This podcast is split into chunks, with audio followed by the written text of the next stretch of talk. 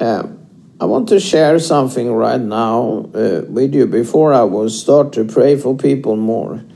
Uh, that if you want to connect to this anointing, om du vill uh, koppla med den här smörjelsen, if you want to connect, you can be part of DFM.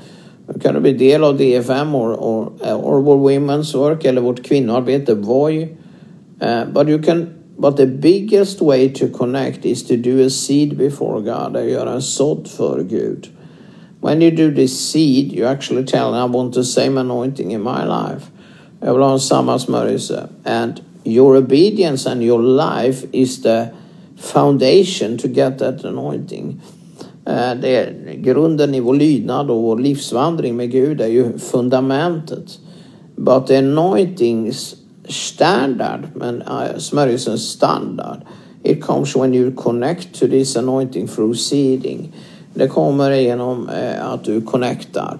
If you belongs to a church, a powerful church, you shall always give your tiding there. Ska du, om du tillhör någon kraftfull församling ska du alltid ge det tionde. If you belongs to DFM or, and boy, you should give your tiding here. Då ska du ge det tionde här. But seed is another story. And the seed will turn your life into. And you you bigger seed or you start a sod and i'm not talking about how much money because one person can eh, uh, 20 kronor be a lot.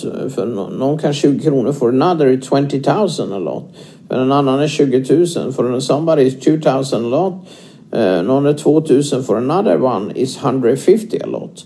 Eh, uh, 150 but listen carefully. When you seed, you have to seed into a good foundation, in god grund. The Bible says that you have to have good soil. Att uh, uh, du, du måste ha en god jord. And when it is good soil, the anointing flows back to you. Då flödar smörjelsen tillbaka till dig, over your head, över ditt liv. And also you get a bigger protection och du får större beskydd över ditt liv. Eh, uh, that is what it do. Um, and it creates miracles och det skapar mirakel.